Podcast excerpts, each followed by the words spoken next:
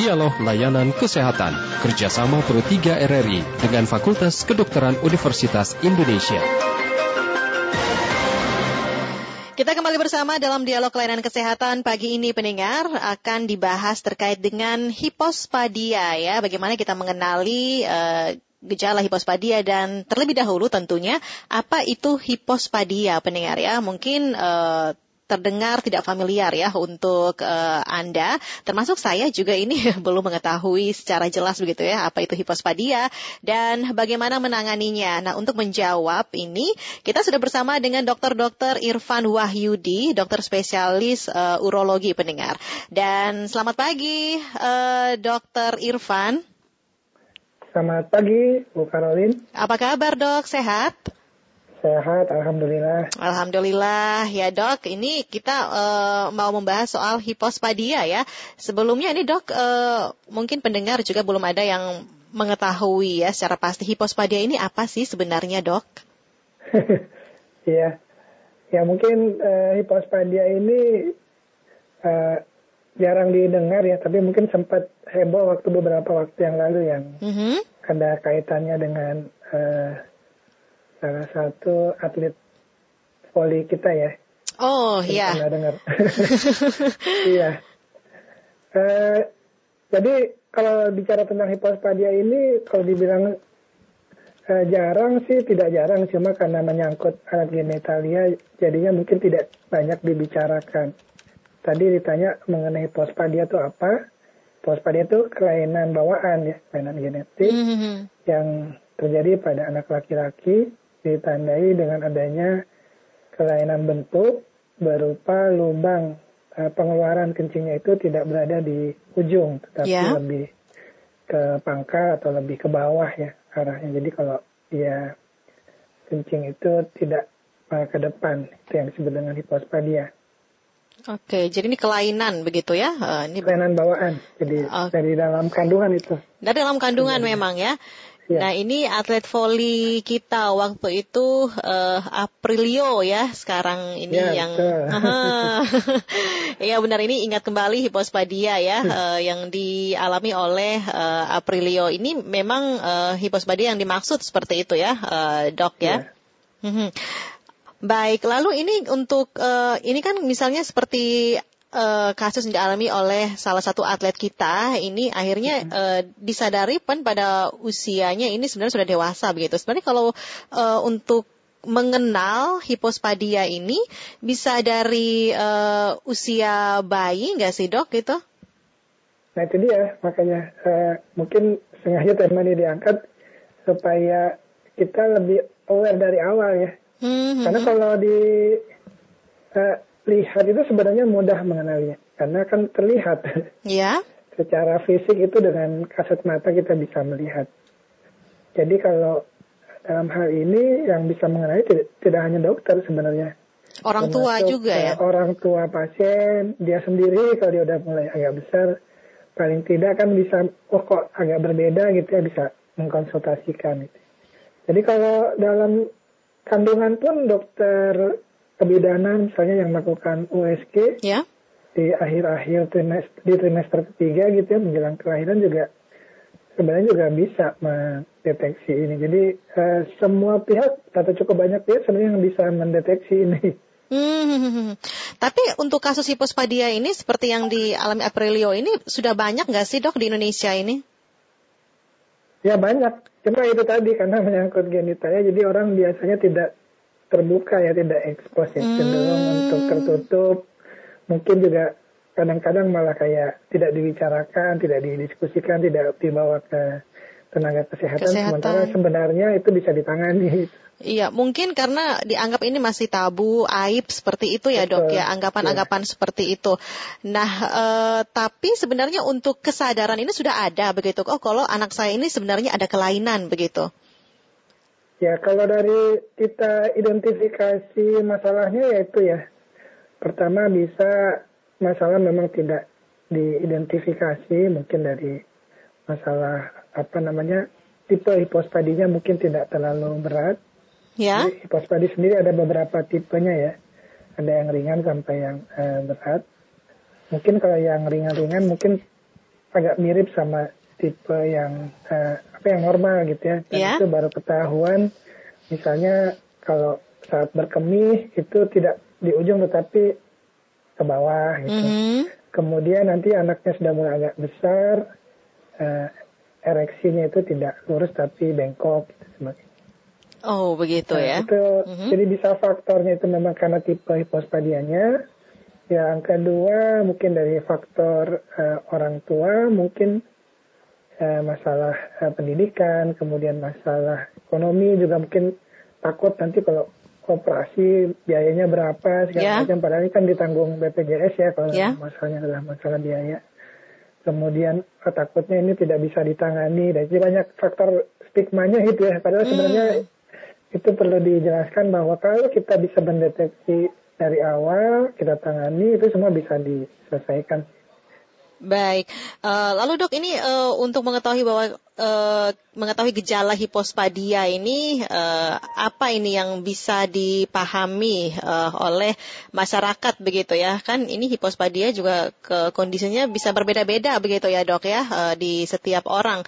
Nah ini untuk eh, mengetahui bahwa oh ini ada letak eh, tadi ya lubang kencing yang tidak normal seperti itu dan eh, gejala apa ini sebenarnya yang dialami sang anak begitu sejak bayi bahkan sehingga menjadi tanda juga bagi atau sign bagi eh, orang tua begitu ya dengan eh, ketidaknormalan yang dialami anak itu anak anaknya tersebut gitu.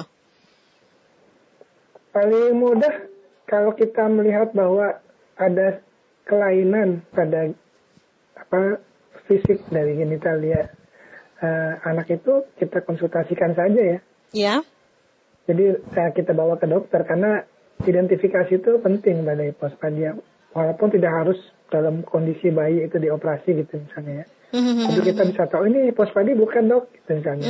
Nah itu bisa ditanyakan ke dokter umum juga bisa atau ke dokter spesialis juga bisa. Paling tidak untuk mengkonfirmasi ini ada kelainan atau tidak gitu ya. Baik. Nah, Tadi kalau ditanya tandanya ya yang paling mudah lihat dari lubang eh, keluar dari kencingnya. Kemudian ada mungkin sering di koran-koran atau di media juga disebut anak-anak yang udah disunat Ya. pada saat di dalam kandungan jadi kayaknya lahir itu udah disunat nah itu kadang-kadang justru malah Itu hipospadia. tuh. Oh, begitu. Iya. kemudian eh, malah yang lebih parah ya misalnya bentuk genitalnya mirip-mirip seperti per- perempuan seperti yang bentuk yang Hmm. level-level yang berat ya Baik. karena misalnya ada apa pemisahan dari eh, kantong sebelah kiri dan sebelah kanan sebagainya. Hmm. Tapi pada prinsipnya begitu ada ke- kecurigaan nih kok eh, anak saya kelaminnya agak aneh ya. Iya, Ya, bawa sebaiknya aja ke dokter. langsung ke dokter biar saja begitu ya. Iya. Oke. Nah, Dok ini ada pendengar juga yang bergabung boleh ya, Dok ya? Iya silakan. Oke, ada Pak Abdullah di Jember. Assalamualaikum Pak Abdullah, selamat pagi. Waalaikumsalam warahmatullahi wabarakatuh. Iya, Selamat pagi. selamat pagi ya. Salam Pagi, kenal. Waalaikumsalam. Uh, Merdeka. Merdeka Pak Abdullah, silahkan. Begini, be- begini Bapak Dokter yang saya hormati, itu jika ibu hamil itu ya me- memiliki tanda-tanda tandanya muta atau dari faktor makanan yang tidak cocok, ah, ah, itu, itu apa mempengaruhi hipospardianya apa apa terjadi atau enggak itu? Hmm, ya. Eh, itu. Baik. Ham- apa yang nampak Pak Dokter? Kalau Oke. bisa, di- bisa diprediksi. Jelaskan Pak Dokter. Terima kasih. Terima kasih Pak Abdullah. Lalu, Salam tangguh juga Pak Abdullah di Jember. Iya, ini eh, sebenarnya kalau eh, mual, muntah yang dialami ibu hamil ini sebenarnya bisa mempengaruhi eh, janinnya itu mengalami hipospadia atau tidak begitu ya dok ya? Oke baik. Eh, jadi gini, kalau kita tahu tadi kan hipospadia ini kelaminnya memang di dalam kandungan ya. Ya. Jadi proses pembentukan genitalia atau kelamin di dalam kandungan. Kalau kita bicara biasanya faktor risiko ya, Mbak. Ya, Apa faktor risiko ya. risiko ibu hamil yang bisa eh, menyebabkan terjadinya bukan menyebabkan ya mem- mem- memudahkan atau lebih sering terjadinya hipospadia itu yang sering dikaitkan itu adalah eh, faktor hormonal ya Ya. Hormon artinya kalau uh, ibunya dalam trimester pertama sampai trimester kedua itu sempat mendapatkan terapi hormon. Contohnya misalnya apakah itu kayak semacam pil KB gitu ya, atau ibunya ini ikut program uh, supaya punya anak di terapi, kemudian masih mendapatkan terapi hormonal itu itu faktor-faktor risikonya. Mm -hmm. Uh, kemudian yang lain uh, ada yang berkaitan dengan uh, faktor usia juga. Usia apa nih? Usia kehamilan ya? Usia kehamilan ya. Usia ibu Jadi, saat mengandung begitu? Pada saat mengandung, uh, itu apa hubungannya itu ada kaitannya dengan kualitas uh, placenta. Jadi apa? Usia berapa itu dok yang bisa uh, mempengaruhi? Di atas, uh, 35 ya. Oh, oh iya, kalau usianya sudah 35 tahun ke atas itu memang uh, berpotensi gitu ya? Iya, ini risiko ya. Kita bukan berarti okay. pasti mm-hmm. dia. Kemudian juga kalau misalnya ada riwayat keluarga ya, jadi sekitar 10 persen pasien-pasien hipospadia itu dari riwayat keluarga. Apakah dari misalnya dari kakaknya, yeah. dia itu ada risiko. Jadi kalau misalnya nanti anak berikutnya itu laki-laki, kemungkinan hipospadia juga lebih tinggi atau dari faktor orang tua. Mm-hmm. Baik, jadi itu faktor-faktor resikonya begitu ya. Uh, ya. Kalau misalnya dari aktivitas uh, ibu saat hamil seperti itu, atau misalnya pengaruh uh, lingkungan, uh, ini kalau yang informasi yang saya dapat, ini katanya terpapar asap rokok, ini juga bisa berpengaruh, ini katanya dok ya, benar nggak sih? Ya, uh, pembentukan genitalia ini kan ada faktor genetik tadi, ada faktor hormonal, hormonal ibu, kemudian juga uh, faktor dari lingkungan. Lingkungan ini banyak yang dikaitkan itu sebenarnya tidak lebih ke rokok sih, tapi kayak pestisida ya. Oh, pestisida ya? Iya. Oke. Okay. dikatakan bisa mengganggu faktor hormonal di dalam kandungan. Hmm, baik. Lalu uh, dok ini kalau sudah uh, mendapatkan gejala, lalu orang tua juga sudah mulai waspada dan membawakan ke dokter, biasanya uh, tindakan apa ini yang uh, akan dilakukan oleh uh, dokter atau tim medis begini untuk penanganan hipospadia ini dok? Ya, jadi pertama dokter tentu akan mengidentifikasi ini hipospadia yang mana karena hipospadia itu ada yang tipenya tersendiri ya, istilahnya isolated, jadi kelainan cuma hipospadia saja, tapi ada juga hipospadia yang disertai dengan kelainan penyerta yang lain. Yang suka dikaitkan itu misalnya eh, testisnya itu juga nggak turun. Ya. Atau hernia itu juga bisa eh, berkaitan. Atau misalnya ukuran penisnya jadi kecil ya, mikropenis. Atau kelainan-kelainan sindrom yang lain ya, misalnya di ada kelainan di jantung, di organ-organ yang lain. Itu nanti dokter akan mengidentifikasi itu. Kemudian kalau memang uh, untuk hipospadianya sendiri, kita akan melihat tipenya. Tipenya hmm. yang ringan atau yang lebih berat, karena nanti akan berkaitan dengan penanganannya. Oke. Okay. Kalau yang ringan, penanganannya seperti apa? Nah, kalau untuk hipospadia sendiri kan sebenarnya perlu tidaknya tindakan operatif itu dikaitkan dengan fungsinya sendiri ya. Oh iya. Kalau memang fungsi itu target utamanya kan sebenarnya untuk uh, berkemih dan bagaimana fungsi ke depannya nanti kalau sudah besar untuk reproduksinya dia. Uh, hmm. Karena hipospadia ini bukan masalah lubangnya saja yang tidak di ujung itu, tapi biasanya berkaitan dengan uh, untuk uh, ke depannya itu ereksinya ya karena kebanyakan dia akan jadi bengkok terutama pada yang tipe-tipe yang berat dan ini hmm. akan diperbaiki. Baik, ini ada satu pendengar lagi ya dok ya, ada Pak Udin di Boyolali. Pak Udin. Halo Pak Udin. Pagi. Selamat pagi Pak Udin, silahkan Pak Udin. Assalamualaikum warahmatullahi wabarakatuh. Ibu Karolin, Bapak Dr. Irfan. Ya betul. Nah, salam sehat semangat. Salam sehat semangat juga Pak Udin. apa tadi Pak?